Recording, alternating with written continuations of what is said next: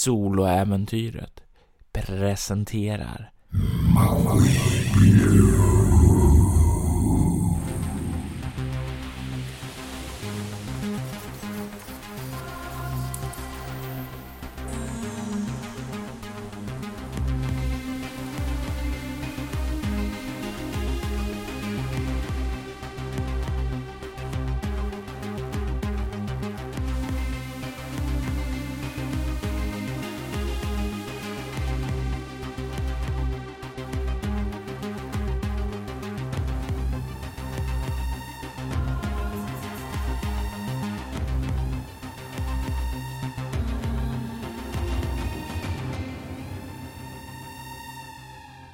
Demjan gled in i medvetslöshetens mörka slummer för att undersökas av Dr. Sol efter samma typ av mekaniska delar som fanns i Silny. Demjan vaknade upp ensam i en mörk klinik och rörde sig ut bort till verkstaden när han har funnit ljuset. Och i ljusets sken så såg han den döda Parvov. Han har skapat sig sin egen eldkastare och begav sig utåt i hamnen. Utåt till den stora bassäng som fanns i hamnen där skeppen kommer in. Den bassäng där det inte finns något vatten längre utan istället finns det spindelnät. När Demjan kliver ut där så hör han rösten. Demjan. Väsandes där nere ifrån. Hur reagerar Demjan på det här? Det är ju trots allt ryska han hör det på. Demjan börjar bli lite irriterad. Det här viskandet, eh, det är något lurt med det på något sätt. Även om det är ryska så Demian är alltid van vid just den här högljuddheten hela tiden som har varit omkring sorlet hela tiden som har funnits kring Sila-piraterna. Det har aldrig varit något riktigt mystiskt, något hemligt på något sätt. Någonting känns fel. Någonting gnager i, i Demians sinne. På att it rubs him a little bit the wrong way. Så vad gör du? Du står där utanför dörren med din eldkastare. De stora handskarna på. Återigen den här osäkerheten ändå som Demian har alla de här drömmarna slår till honom på något sätt som Vad var det jag gjorde för fel ändå? Vad, vad hände egentligen?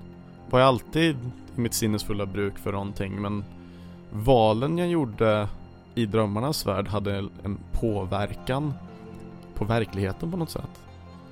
Men på något annat sätt även eskalerat. Nej, det kan inte stämma. Demjan tar en återigen en stor liksom klump i halsen och bara sväljer och bara Nej, det här Det här måste bort Kom Demjan. Jag kommer Kom så ska jag visa dig hemligheterna.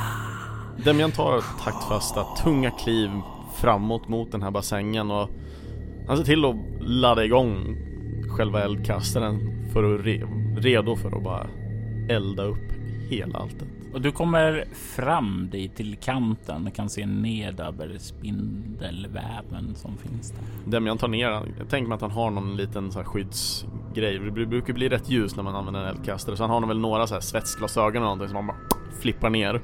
Nu du ska få smaka. Bort den här. Det här är ingenting för dig. Och sen börjar han blåsa på med eld över hela bassängen. Du blåser på med elden. Du hör ljudet av bubblande, av ånga som tjuter när du drar över spindelväven. Du kan se sakta att den börjar vittra, men det går inte särskilt snabbt. Den faller väldigt, väldigt sakta och segt och det låter som vatten som börjar koka även om du inte ser något vatten. Sakta, sakta står du där och det går mycket, mycket saktare att tända eld på det här än vad du trodde det skulle göra. Zucka.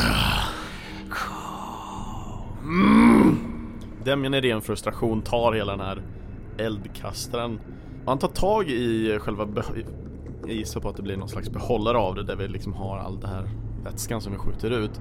Jag tar an den där och sen försöker jag se till att tända eld på den och sen kastar jag ner hela Hela kittet bara rätt ner i den här. Som en gigantisk molotovcocktail. Ja. Eh, jag tänker att du kan få slå ett eh, mm, kropp, naturvetenskap eller ett ego avståndsstrid. Och det är liksom Tänk dig att kropp, naturvetenskap är mera att kasta den här grejen och effektivisera eh, explosionen eh, så bra som möjligt. Att du litar lite mer på den delen. Medans med ego avståndsstrid, ja, men då är det mer att okej, jag vet att det här kommer smälla. Jag försöker göra det bästa av det och jag, men preci precisera kastet på ett bättre sätt. Då tänker jag kropp, naturvetenskap passar bättre med frustrationen i, i, i syftet här nu. Mm. Jag kör på den mer. Eh, jag har sex i kropp och ett i natur. Eh, så det blir sju. Ja, och det är ett lätt slag. Fyra, så elva.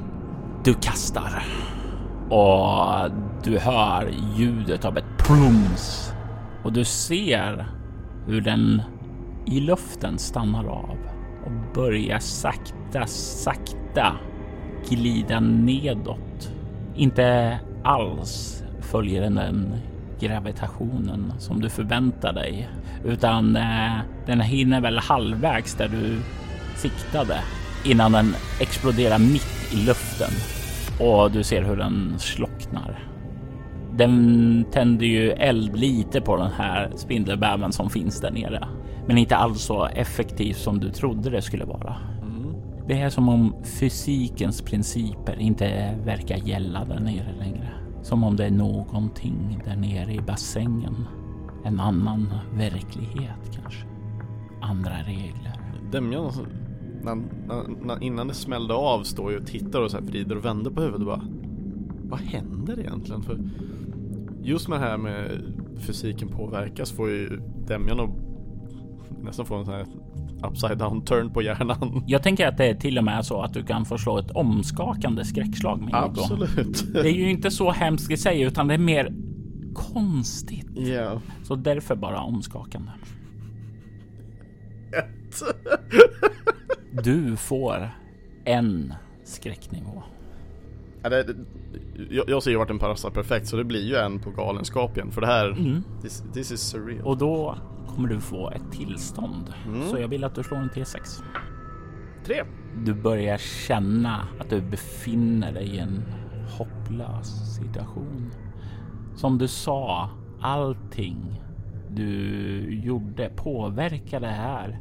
Drömmarna, hur kan de flyta in här? Hur kan du försöka handla här om saker inte är som de ska, om de inte följer reglerna? Du har minus två på alla fysiska färdigheter.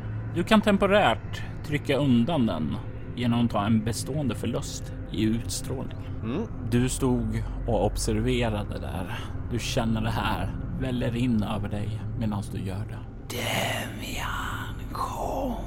Det är ditt öde.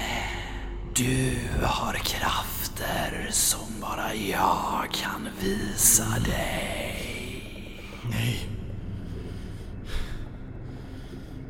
Jag har inga krafter. Du ljuger. Vem är du? Vem är du? Jag är Anansi. En del av dig. Du bär mitt blod. Det kan inte stämma. Du ljuger. Jag ljuger aldrig. Skär dig själv och se mitt blod. Där, jag går ner på alla fyra, han börjar så här, tappa kontrollen nu över kroppen lite. Börjar andas lite mer, lite snabbare. Jag tän- tänker inte så jävla klart längre. Jag måste. Jag måste. Demian går in, eller kryper rättare sagt, in mot verkstaden igen. Mm. Och eh, han försöker hitta något vasst där inne. Det är inte så mycket knivar eller någonting men I en verkstad så finns det saker att skära sig med, så det är inga problem att hitta någonting där. Så Demjan eh, tar fram något fast föremål, verktyg och han lägger upp handen på bordet gör han. Han håller den väldigt länge där och funderar på egentligen allt som har hänt den senaste tiden. Går igenom vad han såg på den skuggstatens bas. Alla som dog. Samtalet med Fahrenheit. Som blev lite blankt igen. Hände verkligen sen?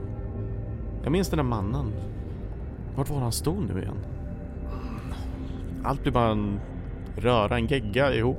Men då, just då så biter Demjan ihop och han sätter verktyget närmare mot handen och stannar upp igen. Tänker på Dr. Sol. Ilse. Känns som en lång tid går men egentligen är det bara några sekunder. Demian trycker ner handen i bordet och sen bara höjer handen med verktyget i luften och sen och så hugger han rätt över handen. Jag tänker mig att du kan få slå ett kropp närstrid här och jag tänker eftersom du är så agiterad, uppjagad nu så är det ett svårt slag. Slaget avgör hur pass allvarligt du skadar dig själv. Ett lyckat gör du minimal skada. Eh, jag har eh, smärttålig även som specialisering, vilket gör att jag kan eh, uthärda alla typer av fysisk smärta. Ja, men det känner jag att det här är ett rimligt ställe att få använda. Yes. Och då får jag slå med två tärningar på ja. slaget. 22. Instinktivt så vet Demjan var han ska hugga. Men om hans sinne är kanske inte klart så sitter det i ryggmärgen. Han hugger ner och det gör ju ont. Blodet tränger fram. Men det är inte så att han hugger av sig armen eller liknande. Blod rinner ut. Du kan ta en bestående förlust i kropp av det ändå. Men du har din arm kvar. Du ser blodet rinna ut ur såret. Det svarta blodet. Anansis blod. Demjans ögon smalnar. Det är skräck som kommer in här. Det här får inte vara sant. Demjan har förlorat kontrollen. Demjan vet inte vad han ska göra för att motverka det här. Känns som allting är lönlöst egentligen. Hopplöst. Jag är en del av Anansis följare. Är jag kanske bara någon docka egentligen för honom att spela runt med? Ingen aning. Men jag kan inte vara kvar här. Kan inte vara där ute heller. Men jag har ingenstans riktigt att ta vägen. Det finns ett ställe som den jag kan komma att tänka på där han på något sätt kan hålla sig borta där Anans inte kan få tag i honom. Demjan springer i sin panik ut ur verkstaden, genom hangaren, utifrån hamndelen, in i korridoren som driver bort honom mot kliniken där han vaknar upp. Mm. Stänger dörren efter sig. Demjan försöker i panik springa bort till konsolenheten och se om man kan låsa dörren. Och du börjar springa dit med tanken om att låsa dörren då du hör bakom dig ljudet dörren som låses. Du är inlåst nu, Demjan. Du är säker nu. Hur känns det? Det känns rätt skönt ändå. Kanske inte den frihet som Demjan önskat sig. Men alla andra är säkra och Anansi kommer inte kunna nå mig härifrån. Dr. Sol kommer hjälpa mig. Men hur? Är hon död kanske? Klarar hon sig? Vad hände med Ilse egentligen? Palo måste fått ut dem. Det var han som var kvar bara. De måste vara säkra. Anansi kan inte ha nått dem. Kan jag inte ha gjort det? Jag är med dig hela tiden. Vi är sammanlänkade. Men om vi är länkade tillsammans, hur kan det då vara att du vill att jag kommer någonstans? Jag vill ge dig makten som finns där nere. Du känner inte till basens sanna hemlighet. Nej, det har du rätt i. Det är inte så länge jag har haft den här basen. Och när det väl kommer till eh, basens, kan man säga, arkitektur här. Jag har inte varit här så jävla mycket eller jag har oftast varit ute på färd och letat efter ynkryggar och fähundar. Det är såklart att jag inte känner till alla hemligheter, men frågan är varför behöver jag veta allt? Kan du säga mig det? Jag kan säga dig det. hör du Silnys röst. Demian tittar runt i lokalen. Panik. Du kan inte se honom någonstans. Jag kan ge dig odödlighet. Silny. Jag ber om ursäkt. Det är ingen fara, jag var inte mig själv. Du, du kan inte vara dig själv nu. Du, du är inte här. Åh, jag fann odödligheten. Precis som du kommer finna odödligheten. Det stämmer inte. Du... Jag hade ihjäl dig med mina egna händer. Och du gjorde mig fri. Och nu är det din tur att bli fri. Nej. Jag vill inte bli fri. Inte på det här sättet. Vilket sätt trodde du annars skulle, skulle bli fri? Friheten att få självklart åka runt och ge de där fähundarna vad de förtjänar. Det kan du göra. Nej. Nej. Du har inte skadat någon Silny sen du försvann. Har jag inte. Jag, jag tyckte kroppen jag lämnade till dig var ett utmärkt bevis på hur jag kan skada folk. Det var jag. Inte du. Du som låg där och slumra. Du som var bortkopplad, avstängd. Jag är den som var i kontroll. Vi är alla länkade tillsammans. Ett kollektiv. Du, jag och Anansi. Ända sedan dess att vi blev en av hans kollektiv ombord på skeppet. Nej. Jo, jo, vi är ett Demjan. Demian börjar slå sig själv så här. Crazy style på huvudet så här. Få ut rösterna. Han säger ingenting. Han bara står och slår sig själv i huvudet. Sida. Huvud ovanifrån. Du hör under tiden Demjan, Demjan, Demjan. Nej. Nej. Ut! Du är inte välkommen här. Vi är en av dig, vi är en av dig. Slå hårdare.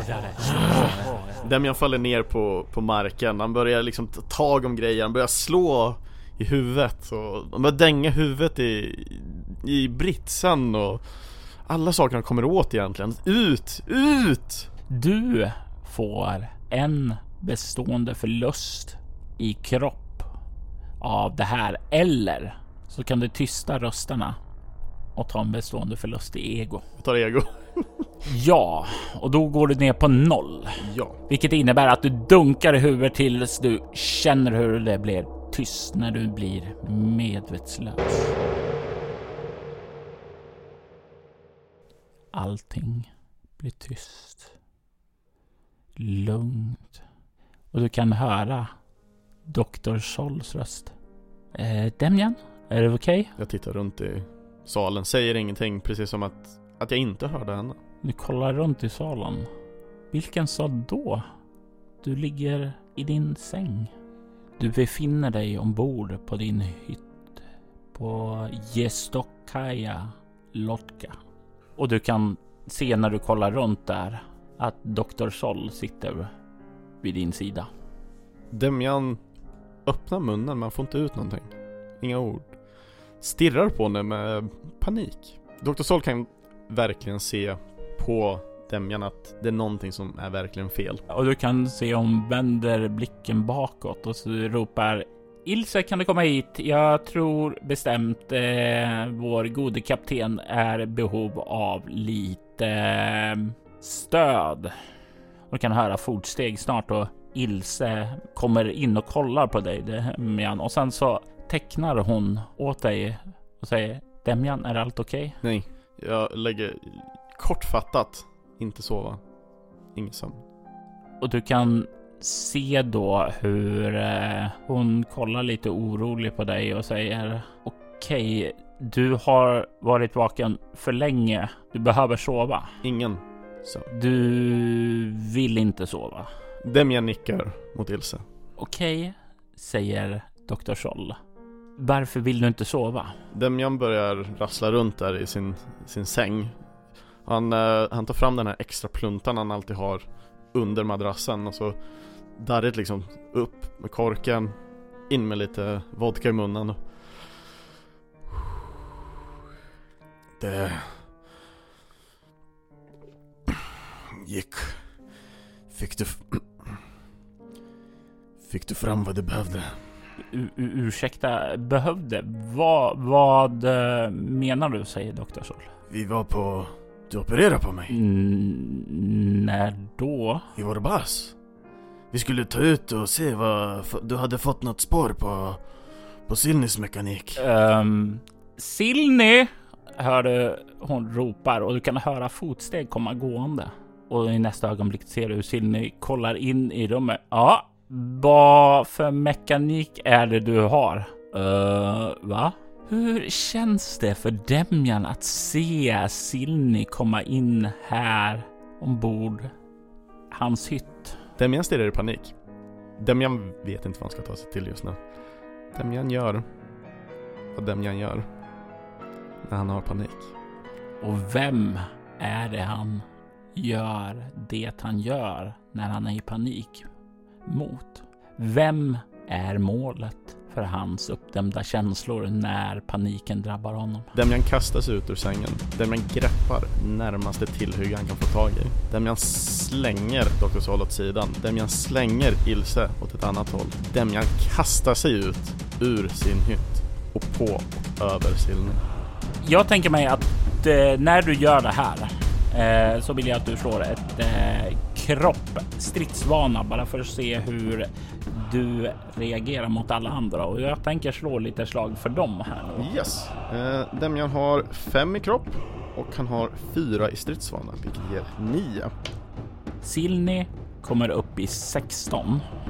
Mm. Sol kommer upp i 14 och Ilse kommer upp i 17. Jag slog ju bara sexer och femmer här. Eh, och jag tänker just nu så använder inte jag vapnet eller någonting så jag kommer ju bara slå en tärning. Det här är ju inte för själva anfallet Exakt. utan Yes, så jag slår min tärning. Sex. 15. Det blir kaos. Ni är ganska jämna allihopa här. Du föser väl eh, undan de här två andra för att kasta dig mot Silni. Silni verkar liksom komma ur din räckvidd. Han tar några steg bakåt. Du hinner väl slita tag i hans uniform där och sliter väl av någonting ifrån den tänker jag mig. Samtidigt som du inte får undan Ilse och Dr. Sol utan de liksom greppar dig. Men Demjan, vad gör du? Vad gör du? Eh, skriker Dr. Sol samtidigt som Ilse alltså hon skriker så här instinktiv men hon har ju inga ord som kommer ur hennes strupe utan hon eh, verkar greppa tag i dig lite mer och hålla dig samtidigt som Dr. Sol nästan direkt släpper dig och låter henne ta det. Du ser hur Silny tar några steg förskräckt bakåt eh, när du attackerar honom där. Eh, vad är din nästa reaktion nu när Ilse håller dig? Demians reaktion är ju fortfarande full panic mode. Alltså det här, det här, det, det här stämmer inte någonstans. Det är så fel på alla plan. Demian fortsätter att vilja slå. Demians mål, han ska slå Silny. Då vill jag att du först tar dig lös ifrån Ilse och då vill jag att du slår ett kropp närstrid mot henne samtidigt som jag vill att du beskriver hur du går tillväga för att försöka ta dig lös. Hon, hon håller ju om min arm som jag har tillhygget i som gör att jag liksom, jag har svårt att liksom få till svingen mot eh, Silny. Eh, och i detta tillfälle så Demjan är ju egentligen teoretiskt, även om han kommer vara ganska hård mot allt och alla här nu så anser ju han i paniken att han skyddar de andra. Men det Demjan gör är, när han ska ta sig loss, han går ner lite med axeln emellan hennes armar. Sen kör han upp hela axeln, upp i ansiktet på Ilse, för att sen återta hela svingen mot Silny. Eh, och då vill jag att du kommer upp med kropp närstrid. Kropp, närstrid. Så kropp 5, närstrid 6. Glöm inte att du har tillstånd som ger dig minus två på grund av hopplöshet. Eh, Jag tar faktiskt en bestående förlust i utstrålning för att eh, skippa den för den här scenen. Då vill jag att du ska komma upp i 17. För hon fick en sexa. 17. Jag fick också en sexa. Det är ett jämnt slag. Jag säger så här, du får ett val då. Du kommer inte kunna anfalla den här rundan, men du tar, kan på bekostnad av en bestående förlust ta dig lös ur hennes grepp. Mm. Du får välja hur det blir. Om det blir kropp, ego eller utstrålning. Jag väljer att inte komma loss. Mm. Du känner, du, du kommer inte riktigt loss. Du känner att du är jämnt matchad med henne och du ser hur Sillen börjar stappla bakåt och säger Demjan, lugna ner dig. Va, vad håller du på med? Eh, vad har du i stridsvana? Eh, Min stridsvana är fyra. Du kan se i ögonvrån hur Dr. Scholl kastar sig mot sin medicinväska och börjar plocka någonting därifrån. Vad är din nästa manöver? Du, du ser hur Silni backar. Du ser hur Dr. Scholl kastar sig efter någonting och du ser hur Ilse håller fast dig fortfarande. Och hon... Den försöker skapa lite utrymme här. Han är ju fortfarande kapten. Mhm. I sitt sinne i alla fall. Så han vänder sig faktiskt om och stirrar Ilse rätt in i ögonen, helt seriöst. Alltså den här hårda blicken. Och sen eh, skriker han på henne. Släpp mig!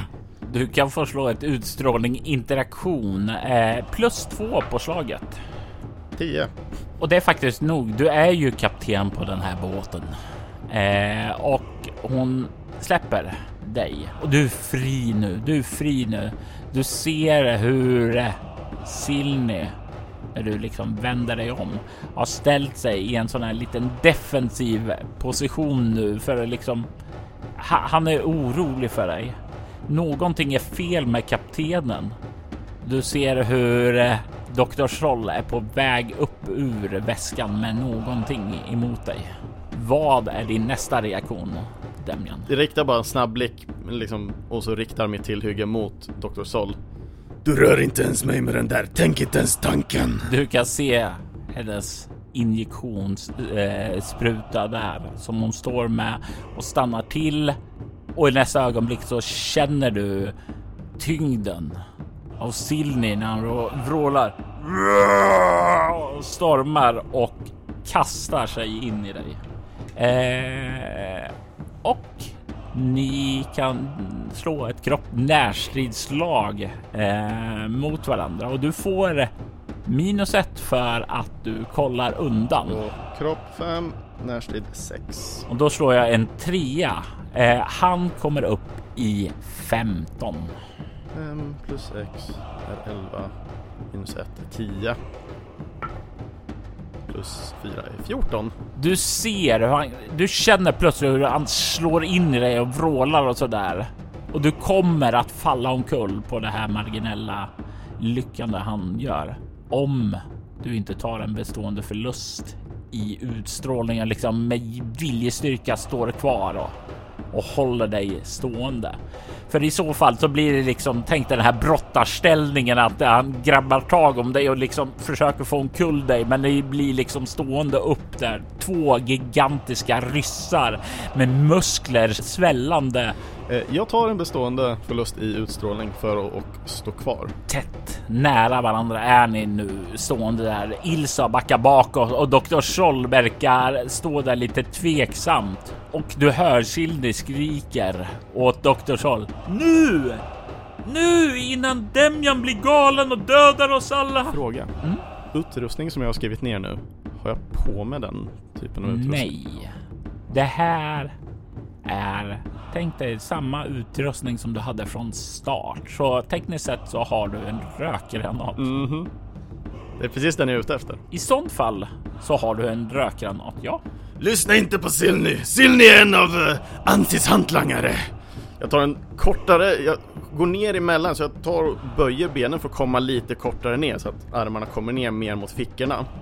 Sen rycker jag sprinten för rökgranaten för att den ska aktiveras där vi står. Jag tänker mig att du kan få slå ett eh, kropp plus obemärkt. Eller så kan du slå kropp plus stridsvana. Jag gillar ju alltid mer stridsvana. Gör jag. Eh, för jag, jag känner, jag behöver inte göra så här sneaky, gå ner sakta. Nej, Så att det blir det här snabba rycket bara. det är din stridserfarenhet som kickar in nu. De eh, snabba reflexerna. Ja men exakt. Snabb hantering. Medan alltså, jag säger någonting, de kanske försöker bearbeta informationen och just då tar jag liksom sinnet i, i bruk där och använder det till min fördel. Eh, så kropp 5, eh, plus 4 i stridsvana. Eh, blir 9 ja. 12. Du drar ur svinten. Eh, och röken börjar sprida sig. Och du hör han eh, Silni skriker. Nu! Sista chansen nu, Dr. Sol! Innan han förblindar oss alla! Och jag tänker mig att du får slå ett motståndslag här med utstrålning och interaktion. Om jag inte vill prata då? Om jag vill göra någonting annat för att stoppa hans snack? Det här är inte så mycket som att du pratar, utan det här är den myndighet som du Ah. utstrålar. Okej, så Eh. utstrålning och interaktion sa du va? Ja, och du har ju etablerat dominans och så striden. Du är kapten och sådant, så jag skulle ge dig en full plus tre Full plus tre. modifikation. Mm. Så jag har interaktion 1 och just nu med tanke på mina bestående men, eller bestående förluster rättare sagt. Det kan också vara men, vem vet? så 4 plus 1. Eh, så 4 utstrålning, 1 interaktion, 5 plus 3 är 8. Silni med sina massiva fyra i utstrålning och två i interaktion kommer upp i sju. Du behöver inte slå Chris. eh, Silni har inte samma pondus där. Även om Dr. Scholl är orolig för dig så är det inte nog för att hon ska våga ingripa efter att du har skrikit order åt henne. Du ser hur röken börjar välla upp och täcka hytten där. Vad tänker du göra med den här momentumet du köper dig med det? Så när röken kommer upp och Silne ändå håller om mig om mina axlar ändå så jag, jag har ändå fri rotation. Så det jag gör då är att jag, jag tar som en uppercut med mitt tillhygge då och slår rätt upp i, i ansiktet på honom egentligen. Och du kan slå ett kropp plus närstrid plus din egenhet brutal gissar jag på. Mm. Och din specialisering improviserade vapen. Du får dessutom plus två modifikation för röken också. Yes, så 14 plus 2 tärningar då. Jag slår för den goda Silny och han kommer upp i 14. Mm.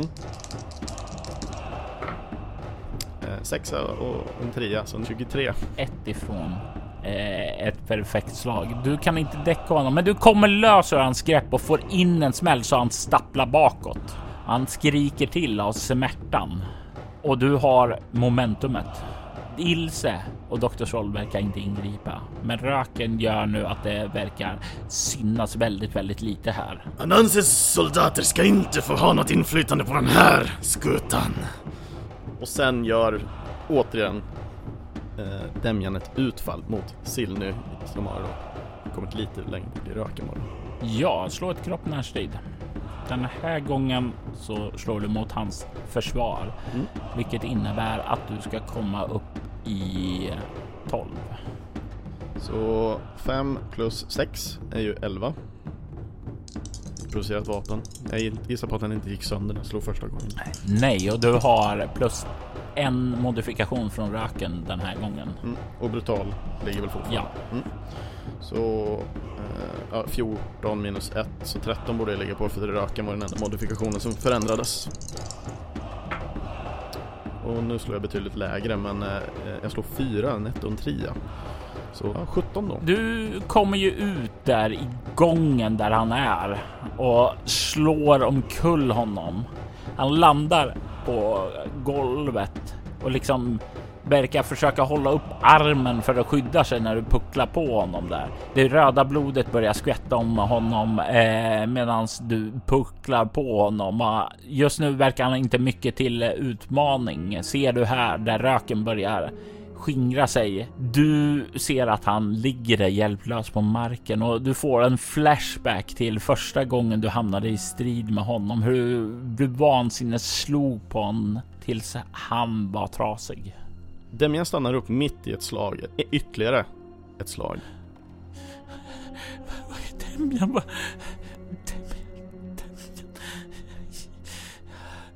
Du kan se ned på den brutna Silny. Inte bara fysiskt bruten utan även mentalt bruten av sin kaptens misshandel. Demian eh, står fortfarande med höjda, han tittar snabbt runt på blodet men ser ju, han ser ju att det är rött och inte svart. Mm. Men fortfarande, han kan inte släppa det här. Någon, någonting är det. Han har kamouflerat blodet eller någonting. Har han gjort. Så Demjan tar tag i Silny i, på strupen och trycker åt. Vart har du honom? Vart har du Nancy? Sen släpper Demjan.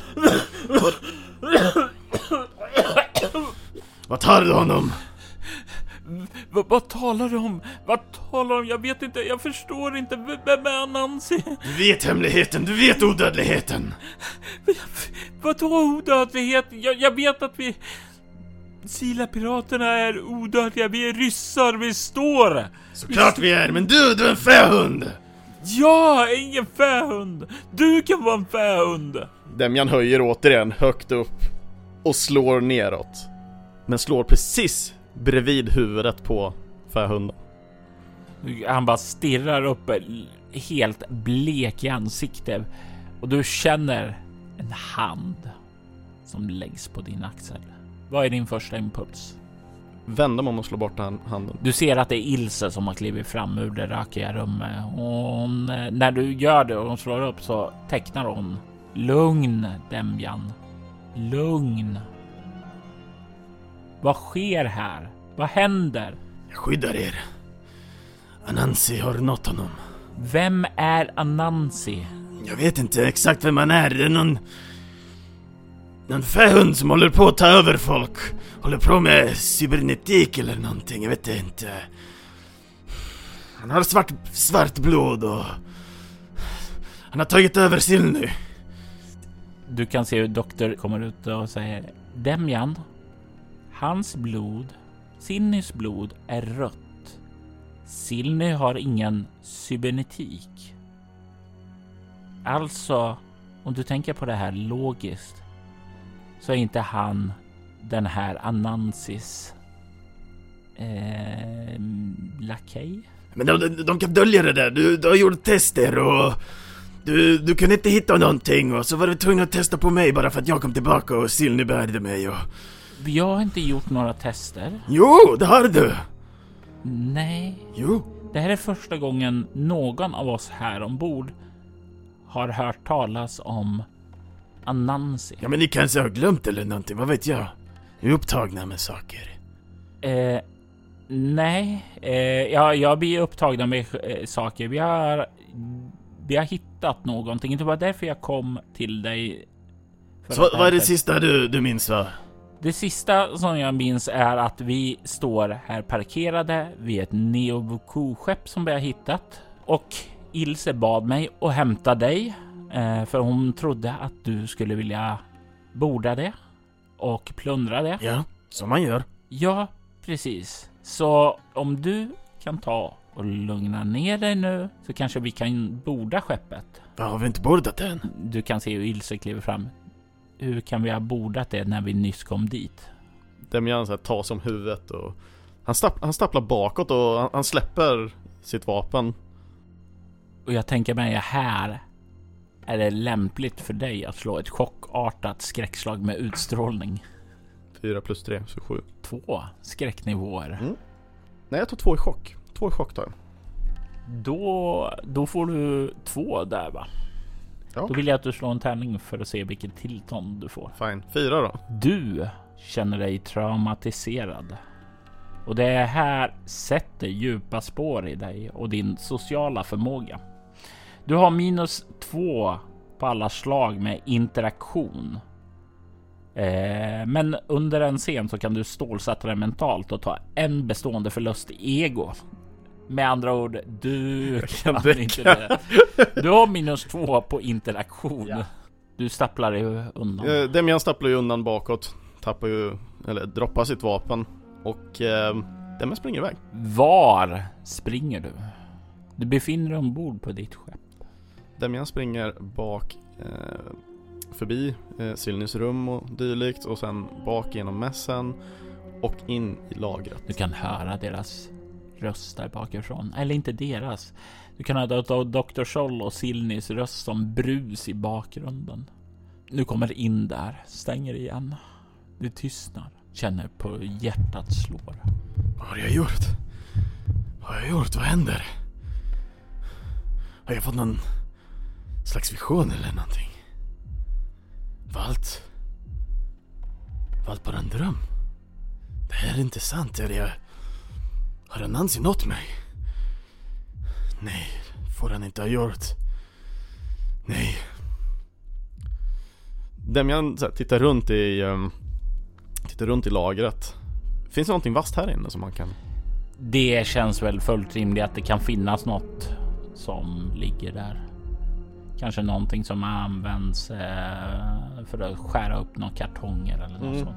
Så Demian tar någon knivaktig vasst objekt och han, han tar egentligen upp i handen och skär sig rätt över handen utan ens liksom fundera längre på det. Och när du gör det så kan du se blodet rinna ut. Det vackra blodet strömmar ner längs din hand och droppar ned på golvet. Du har aldrig reflekterat över det tidigare, hur tät färgen är, hur vacker den är, hur röd den är.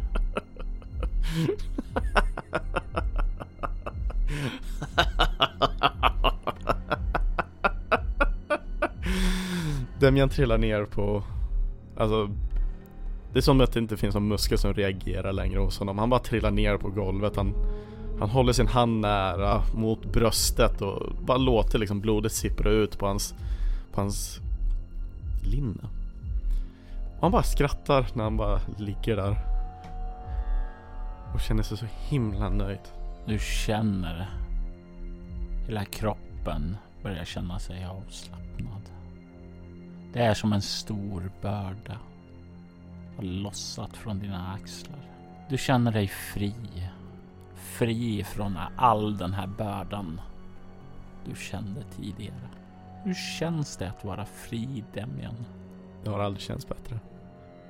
Den här friheten att få vara sig själv. Att inte vara medveten om att det är någon annan som gör ens val eller gör att man gör vissa saker helt enkelt. Att Demian själv bestämmer vad han ska göra, vad han väljer att hans frihet är. Det är en sån lycka som är obeskrivlig. Hur det känns. Ja, Demian har aldrig varit lyckligare i sitt liv. Aldrig. Han har redan glömt hur han slår på sin... Visst, det är tråkigt men som sagt, det där är redan förbi. Glädjen är, glädjeruset är... Det är som droger. Det är liksom det... är... Man bara suger tag i varenda liten droppe av, av det som finns. Och man kan inte sluta skratta när han ligger där på golvet i lagret där bak. Det är som om du har vaknat upp ifrån en fasansfull mardröm. Allting kommer att bli bra. Du känner glädjen liksom bara strömmar i dig. Och du kan få tillbaka en skräcknivå av den här fantastiska upplevelsen. Men du kan också få en skräcknivå när du stunden senare vaknar upp i kliniken. Den mörka nedsläckta kliniken med en dundrande huvudvärk. Du är tillbaka där du började. Inlåst kliniken på basen där Anansi har släppts lös. Allt det glada, lyckliga. Det var bara en dröm. Demjan vet inte vad han ska göra. Det går inte att komma ifrån Anansi. Han tänker absolut inte gå till henne. Det är det dummaste han har hört. Att gå till någon som säger att de ska ge ens kraft att låsa upp egentligen en persons potential. Säkerligen samma sak som man hörde i den här audiolagen. Inte för att man minns så jävla mycket av den. Demian har aldrig riktigt mycket tid på att minnas egentligen på den delen. Kändes irrelevant. Då. Nu när jag försöker tänka tillbaks på det så Kanske det varit bra för han hade lyssnat. Man kan inte göra det varje gång. Verkligen inte.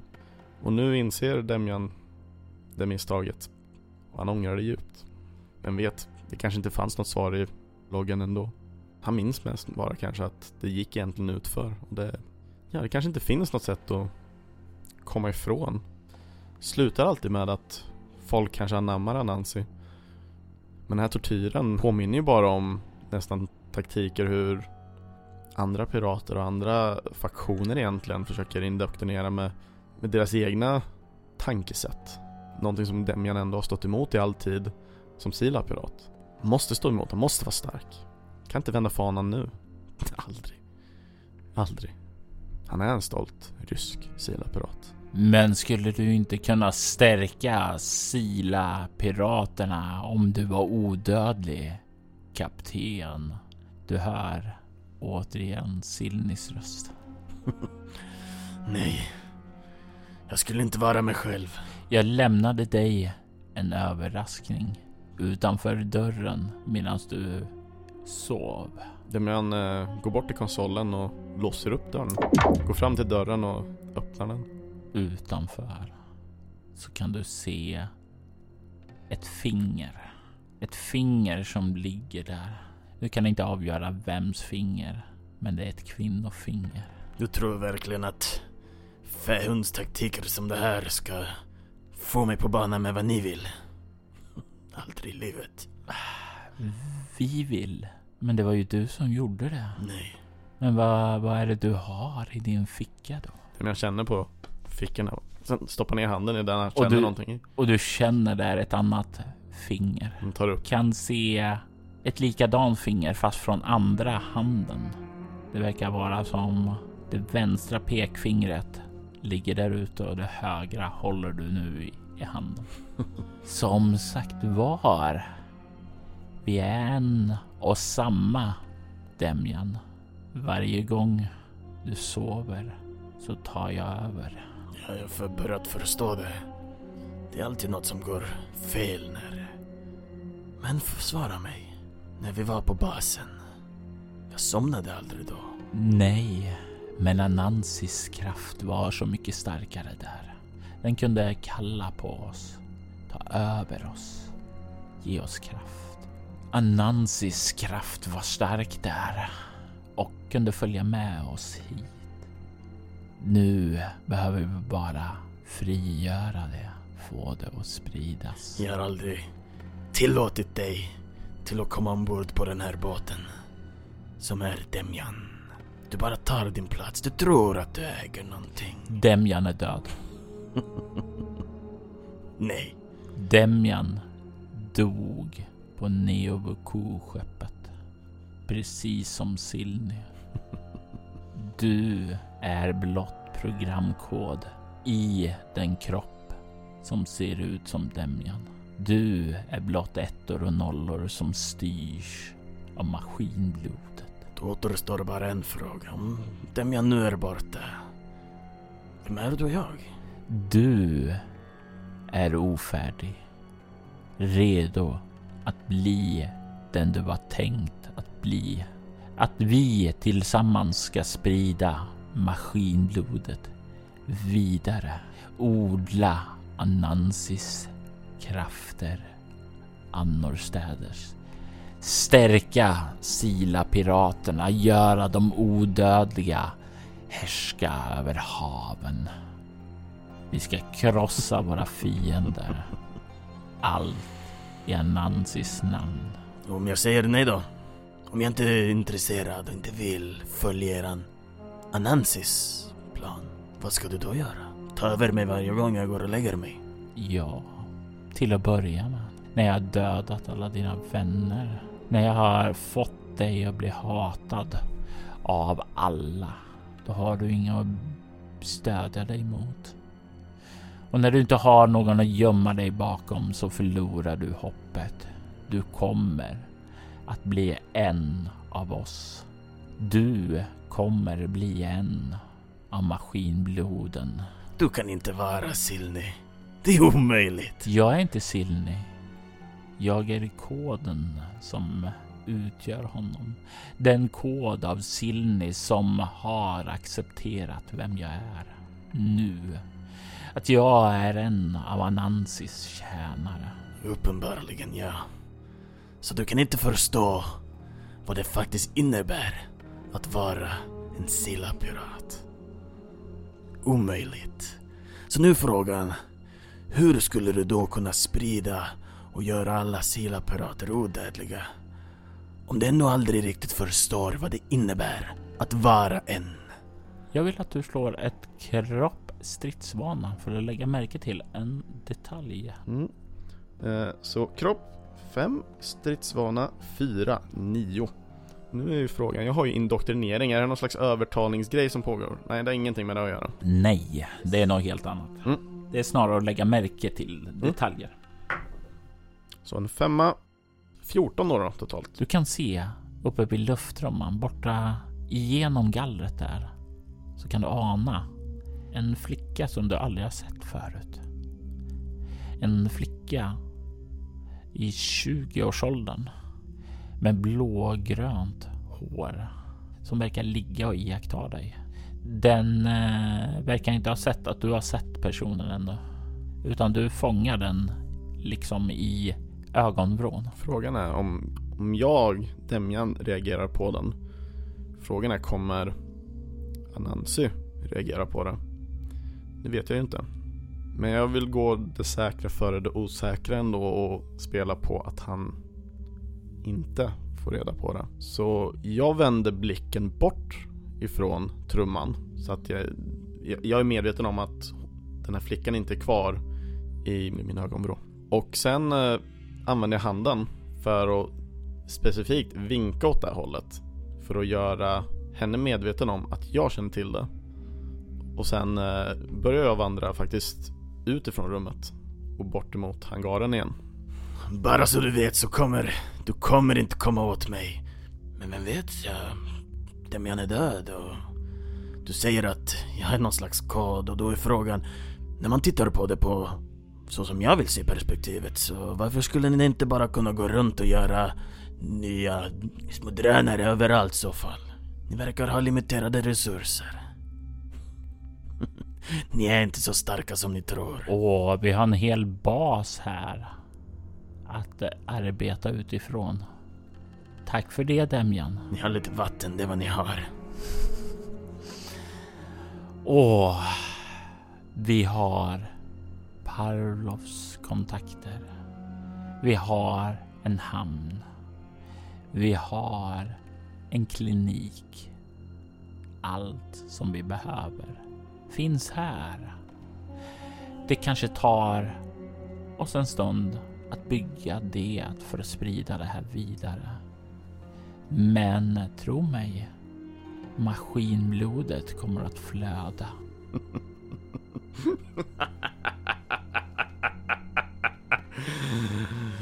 Ja, så du... Du tänker du har alla resurser här, som att ingenting skulle kunna hända. Till exempel om någon bara råkar spränga allting i luften.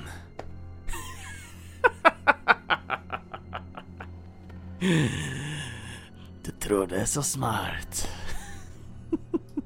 Och jag är ju definitivt smartare än dig. Det kanske du är. Om du ändå tror att det är så många där inne som leker runt och har Nancy och allting. Du kan höra rösten igen. Demian, kom. Kom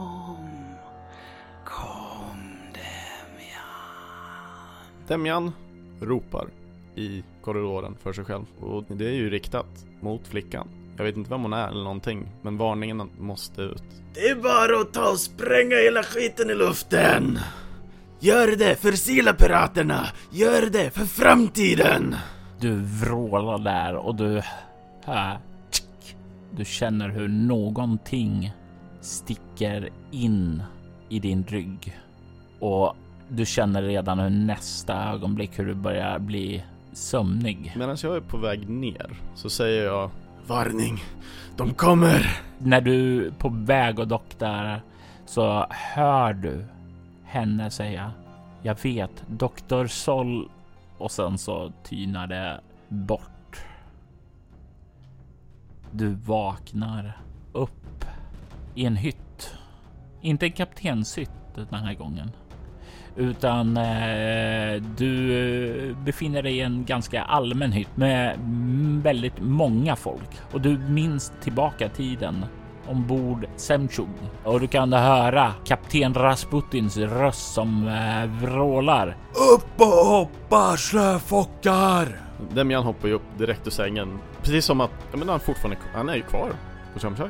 Så det är bara vanlig rutin, upp och hoppa, ställa sig. Och du kan se hur kapten Rasputin nickar och ler när du är den som är först upp redo att ta dig an den dagen och han nickar uppskattande som han ser potential i dig. En potential att du en dag kommer att bli en stor pirat. Du och han eh, nickar och kliver ut och du beger dig iväg för att påbörja dagens arbete nere i motorrummet. Du är fortfarande ny på det här, men en dag, Demjan, en dag kommer du bli den stora pirat som du alltid drömt om att bli. Du hade en mardröm tidigare. En mardröm som du vaknade upp ifrån. Men det är blott ett minne nu. Allting kommer lösa sig. Bara ett hårt arbete och en stark känsla för Ryssland så kommer allting att gå din väg. Borta på basen så reser sig Sindeva upp ifrån kroppen och tar några steg tillbaka när hon ser att du har blivit medvetslös. Hon drar handen åt sidan, öppnar upp handflatan. Den tatuering föreställande en sabel börjar växa ut ifrån handen. Hennes drömtatuering manifesterade drömartefakt hon alltid bär med sig. Och samtidigt som det växer ut kan hon se hur Demjans kropp börjar rycka till. Hur den börjar vakna upp. Men det är inte Demjan som är i kontroll. Det är maskinblodet i honom. Det som han fick i sig då han däckade på Neovuku-skeppet som fört med sig den infekterade lasten ifrån Sigma 223. Den last som Dr. Jonathan Chang hade tagit med sig dit och utvecklat vidare.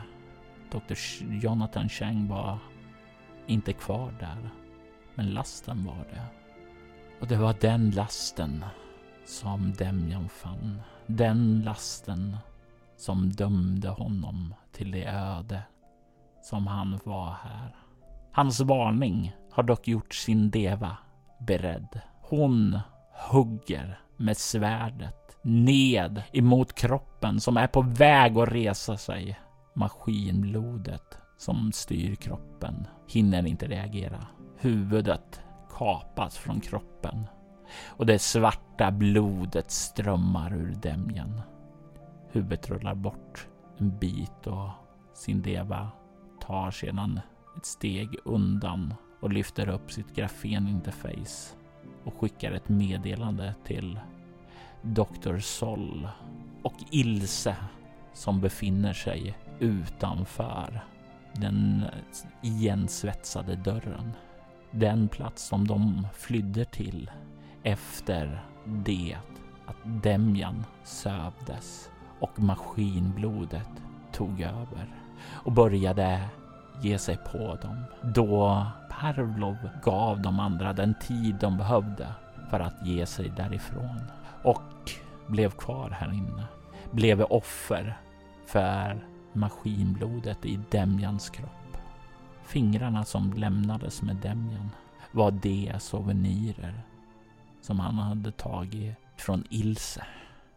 Utan röst och utan pekfingrar så kan hon bara betrakta de nyheter hon får via Sins meddelande med stor sorg. Hon har förlorat sin kapten och sin vapendragare. Den som skulle vara Rasputins arvtagare. Dr. Sol får även meddelandet. Spräng skiten. Och Dr. Sol som har en intellektuell förmåga som nästan matchar den vite fadern. Den enda andra personen här i Golgata som har ett intellekt nog att minnas sin deva kan ta emot hennes rapport. För till skillnad från de andra så minns hon sin deva. Och har gjort det ända sedan Demian kom tillbaka efter att ha köpt noden. Hon har vetat att det är något fel. De har arbetat tillsammans för en plan om allting skulle gå fel. Sprängladdningarna finns redan där och Sindeva signalerar att det är dags att använda dem innan de vänder sig om och börjar ta sig ut genom ventilationstrumman. Hon möter upp med de andra, börjar ta sig bort från basen ut till övriga samhället som finns här i närheten. Genom Minos labyrinter så beger de sig så långt de bara kan samtidigt som självförstörelsemekanismen aktiveras och nedräkningen börjar. Sol Tresh Tack. Sila piraternas stolthet suddas ut från kartan tio minuter senare i en kraftig explosion. Demjans kropp slits sönder och sprids med rasmassorna. Omgivningen får aldrig veta vilket hot som har stoppats här. Det är bara kaos som sprider sig om någon form av terrordåd som har skett här. Är det Gema-infiltratörer som har tagit sig här? Var det någon piratflotta som försökte slå emot Sila-piraterna? Är det en gammal bas som haft något fel och eh, fått en reaktor som överhettar? Spekulationerna är många, men ingen bland allmänheten får veta det offer som Demjan gjorde denna dag då han stoppade den stora ondskan som fanns i honom. Det sista Demjan minns däremot, det sista minnet som var med Demjan, det var då han levde ett okomplicerat liv.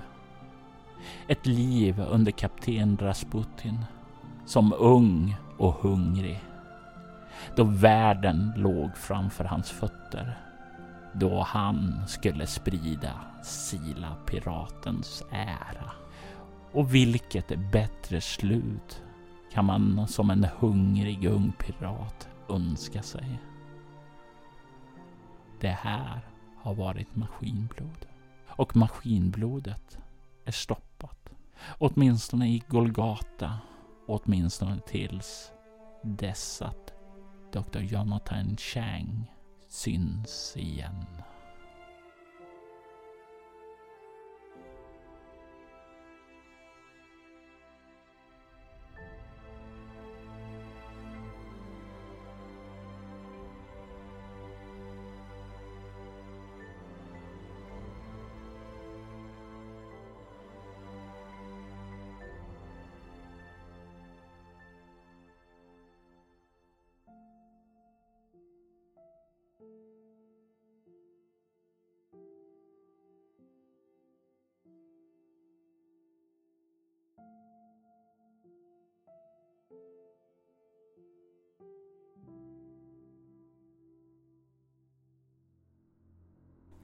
Maskinblod avsnitt 12 Demonized var ett scenario skapat, spelat och redigerat av Robert Jonsson med Kristoffer Schenström som Demjan.